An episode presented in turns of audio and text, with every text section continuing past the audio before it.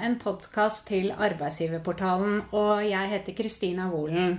Temaet for dagens podkast er at vi skal snakke om hvordan arbeidsgiver kan forberede seg til årlige lokale lønnsforhandlinger. Og i den anledning så har vi invitert med oss Norges miljø- og biovitenskapelige universitet. Og jeg har jo nå med meg Jan Petter Stenberg, og du er personal- og organisasjonsdirektør. Men før vi kommer i gang med forberedelser til lokale lønnsforhandlinger, så kunne du kanskje fortelle litt kort om universitetet, litt størrelse, og hva er det dere driver med? Det kan jeg gjerne gjøre. Eh, NMBU, som vi bruker i kort form, har eh, studier og forskning som skal møte de store globale spørsmålene om miljø og bærekraft. Og vi skal bedre folke- og dyrehelsen. Vi skal jobbe med klimautfordringer, fornybare, fornybare energi, energikilder, matproduksjon og areal- og ressursforvaltning. Og vi har syv fakulteter eh, som skal jobbe med dette. 5200 studenter og 1700 ansatte. Og hvis vi da kommer over på temaet lønnsforhandlinger, så skjønner vi jo at her er det antageligvis et større apparat som er i sving når det gjelder årlige lokale lønnsforhandlinger hos dere. Det stemmer. Eh, det er eh, viktig med grundige forberedelser. Eh, og til det så har vi etablert en arbeidsgiverdelegasjon hvor vi får tatt inn bredden fra arbeidsgiversiden. Dvs. Si at vi har med noen som representerer de vitenskapelige og, og, har innsikt i forhold til stillinger innenfor vitenskapelige stillinger. Forskning, utdanning osv. Eh, også at vi har noen som har innsikt i tekniske og administrative stillinger. Og så er vi fra personal- og organisasjonsavdelingen med som et fagorgan og som leder prosessen i forhold til lønnsforhandlingene. Alt fra forberedelser til gjennomføring og etterarbeid. Er dere i gang allerede nå, eller er dere i tidlig, tidlig forberedelser? Vi er i tidlige forberedelser. Eh, og eh, vi avventer nok de sentrale forhandlingene mm. før vi setter ordentlig i gang. Men det vi ser på nå, er å booke tentative møtedatoer for forhandlinger, sånn at eh, partene er, har en forutsigbarhet i forhold til når vi skal inn i selve forhandlingene, og kan forberede det. Og da tenker jeg på det med forberedelser. Utgangspunktet for forberedelser det er jo å ha en eh, lønnspolitikk. Alle virksomheter skal jo ha en lønnspolitikk.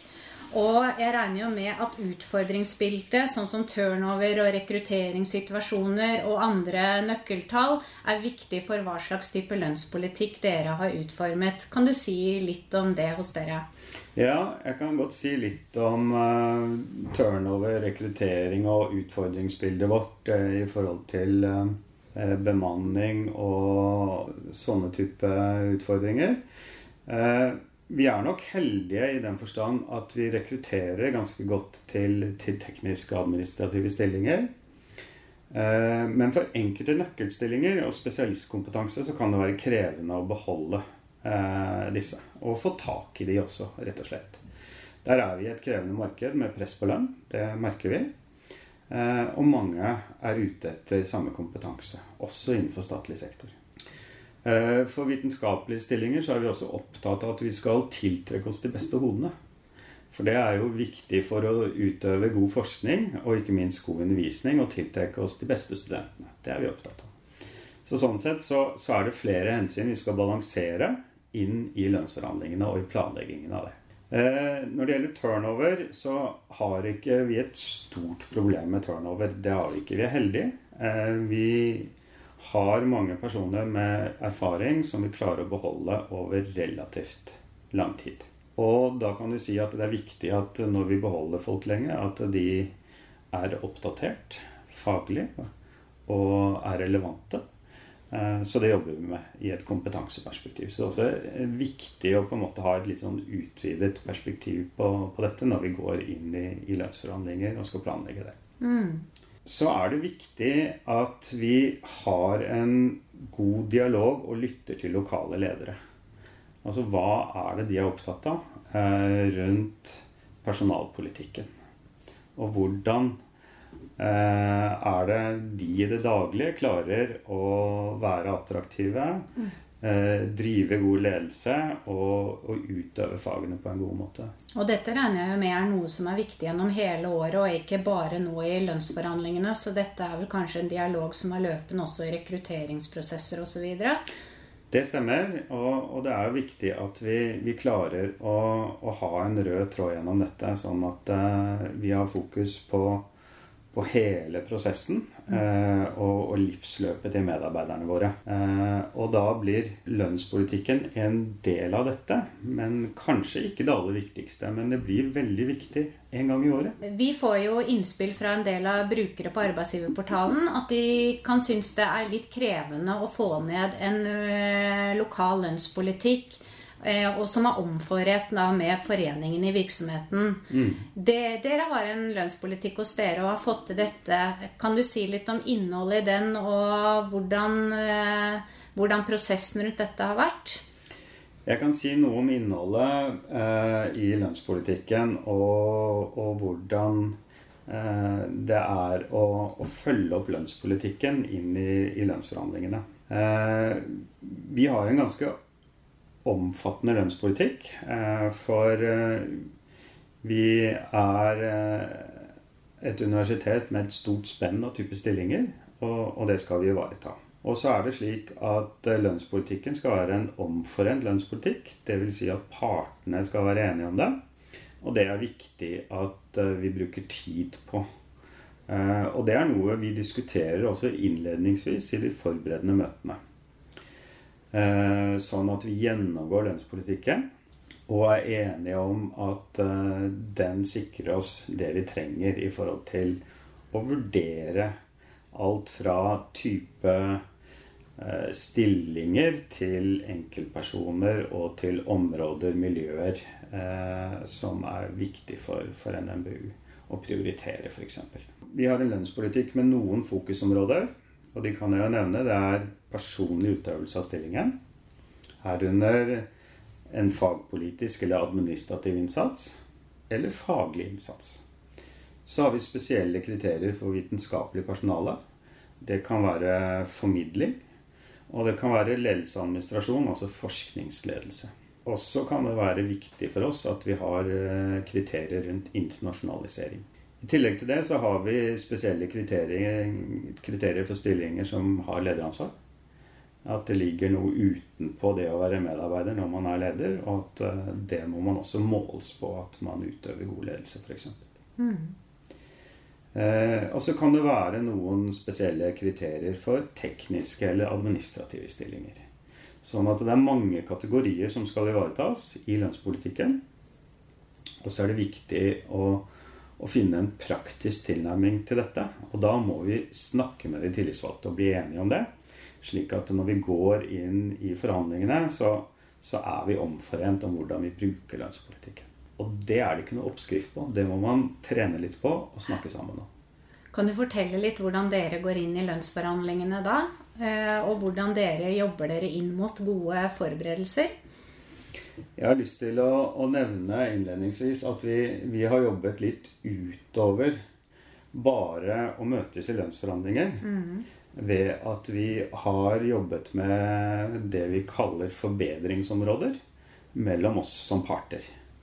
Eh, og det handler om at eh, vi skal eh, sørge for at det er tilstrekkelig åpenhet, tillit, og at vi kan gi hverandre tilbakemeldinger og at det blir oppfattet i beste mening. Eh, slik at eh, når vi da kan ta med oss det inn i lønnsforhandlingene, så, så er det et grunnlag for en bedre atmosfære eh, for å ha reelle og gode diskusjoner når det kommer til ting vi er uenige om. Så dette forarbeidet blir jo viktig, da. For jeg tenker kjøreregler, tillit til hverandre, forståelse og hvilke verdier dere bygger på osv. Og at det da er viktig da med disse eh, arbeidet gjennom hele året. Og egentlig at man har et godt samarbeidsklima hele tiden, mm. er det du sier er viktig for å få til en god start også på lønnsforhandlinger. Ja, det vil jeg si. Og så er det viktig at alle er kjent med lønnspolitikken, og det er jo et lederansvar å formidle. Mm. Så har de tillitsvalgte også et medansvar i å være med å forvalte og formidle lønnspolitikken på, på en god måte, og det opplever jeg at vi, vi gjør. Og at vi har et godt samarbeid rundt dette. Og så er det slik at arbeidsgiver må huske på at medarbeidere har krav på en lønnssamtale. Enten i en medarbeidersamtale eller en egen lønnssamtale.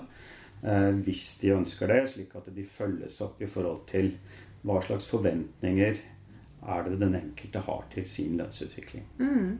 Hvilke tiltak gjør dere da for at dette skal være godt kjent ute hos lederne? Vi passer på å informere ut til lederne om hvilke plikter vi som arbeidsgiver har, eh, og hva de som ledere må tilby sine ansatte i form av f.eks. For en lønnsomtale. Og hva den skal inneholde, og hvordan den kan gjennomføres. Eh, for det er jo viktig at medarbeidere har et realistisk syn på, lønnsforventninger.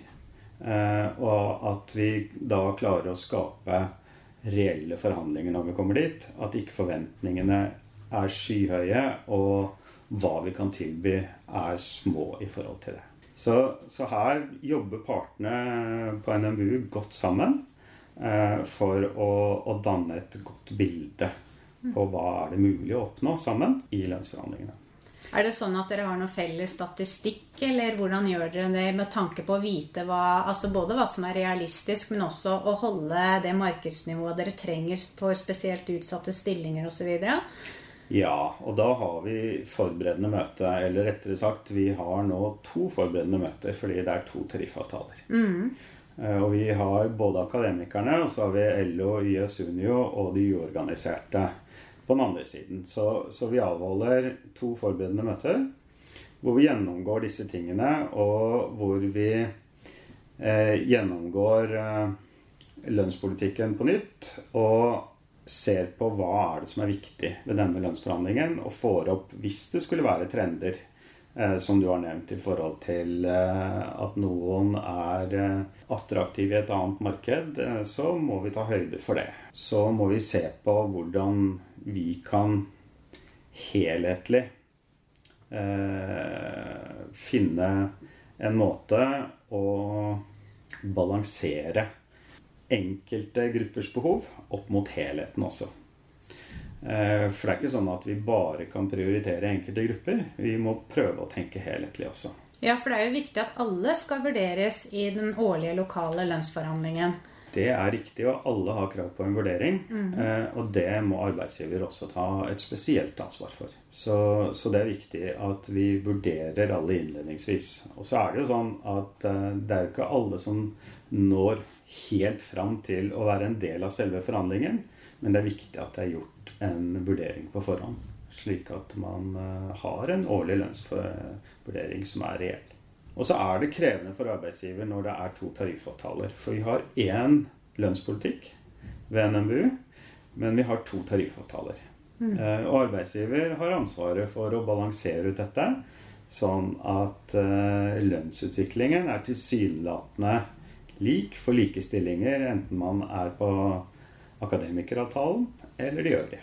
Mm. Og det her sier jo mange av våre brukere at er krevende. Og man har jo ikke så lang erfaring på dette området. Eh, når dere ser på helhetsbildet, syns dere, ser det ut som om dere har fått det til? Eller er det vanskelig å si noe om? Jeg syns vi klarer det ganske bra. Jeg syns også de tillitsvalgte, selv om de her har litt ulike innganger til forhandlingene, de to, eh, de to partene der sånn, men så er de likevel opptatt og ser viktigheten av en viss balanse. Eh, for det handler jo også om hvordan vi skal ha det med hverandre ellers i året. Og hvis det er stor ubalanse i ellers slike stillingsgrupper, eh, fordi man er på den ene eller den andre tariffavtalen, så blir det problematisk. Eh, og det, det prøver vi å jobbe mot, og da er jo statistikk og slike ting viktig, og at vi har et godt datagrunnlag i forhold til å sammenligne den reelle lønnen eh, disse to eh, gruppene har. Og da blir jeg jo litt nysgjerrig og lurer på hvordan får dere til det, egentlig? Da har vi god hjelp av vår økonomiavdeling, som kan ta ut eh, statistikker i forhold til stillingsgrupper eh, mellom fakulteter, mellom seksjoner, eh, balanse på kjønn eh, osv. Og så er det jo slik at vi må da prøve å se på hvor, hvor ligger nedre grense for hva lønnen er, og hvor ligger øvre grense. Eh, og, og, hvor er det rimelig at man skal ligge i forhold til den erfaringen man har osv. Så, mm. så, så det er mange ting som kommer inn, og tallene i seg selv er ikke nok. Her må man inn og tolke og forstå tallene, og bruke de klokt i samarbeid med de tillitsvalgte. Og her vil jeg tro lederne også er viktige kilder? Lederne er viktige kilder. Eh, spesielt i forhold til når det kommer til hvordan arbeidsgiver skal prioritere sine krav inn i lønnsforhandlinger. Så er vi først og fremst avhengig av de lokale lederne gjør sine vurderinger. Vi må stole på at de gjør gode vurderinger. Og så vil dette aggregeres opp til et samlet krav fra arbeidsgiver, eh, som vi utveksler med krav fra de organisasjonene. Eh, og det danner utgangspunktet for eh, forhandlingen som sådan.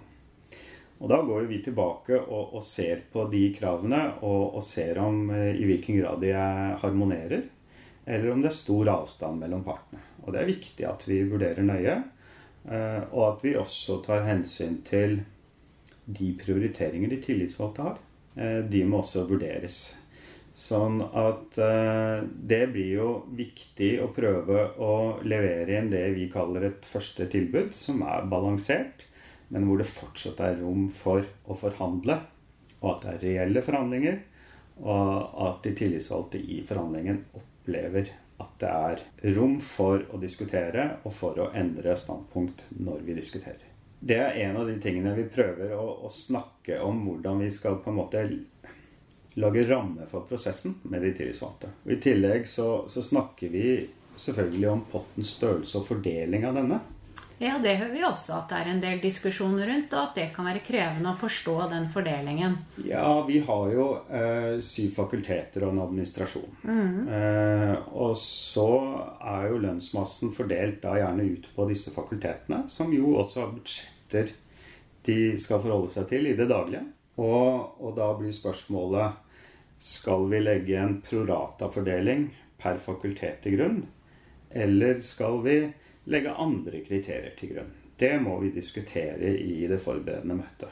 Eh, og der kan det være ulike synspunkter og ulike hensyn som gjør at eh, det er kanskje ikke en streng prorata-forståelse vi skal legge til grunn, men at vi kanskje blir enige om f.eks. å skjele til prorata, men at vi ikke er bundet av det. Og dette er diskusjoner dere da har med foreningen og kommer til enighet om før dere går inn i forhandlingene? Det er fornuftig å ha en enighet om før vi går inn i forhandlingene. Det er riktig. Er det andre vesentlige forhold du tenker er svært avgjørende for å ha avklart før man går inn i forhandlingene? For de som skal inn i forhandlingene for første gang, så tenker jeg det er jo et sett suksesskriterier her som skal til til at man faktisk får ryddige forhandlinger hvis man da forholder seg til det man har beslutta på forhånd. Mm. Og hva er det som da er viktig for å nettopp få til disse gode forhandlingene? Ja, for det første så, så, er det viktig med tillit og konfidensialitet til eh, forhandlingene. Slik at eh, det minner partene hverandre om i det forberedende møtet. Og så tar vi opp om det er innsigelser til prosessen sånn som den er foreslått og justerer det i forhold til hvis det kommer innsigelser. Så så er det jo slik at det er en arbeidsgiverdelegasjon, og så er det de tillitsvalgte som har sine delegasjoner. Og da blir vi enige om hvem som fører ordet, eh, for å være litt ryddig på det. Og så åpner vi gjerne med, med et plenumsmøte hvor alle er til stede. Men hvis det er slik at vi kommer til saker som er vanskelig for en organisasjon, så er det anledning til å be om særmøter. Eh, og da kan det være fornuftig å avholde noen særmøter, men i all hovedsak så skal jo forhandlingene foregå i plenum. Og det kan være at eh, arbeidsgiver og arbeidstaker er veldig uenig i forståelsen av eh, om en medarbeider f.eks. hvordan den skal vurderes og prioriteres.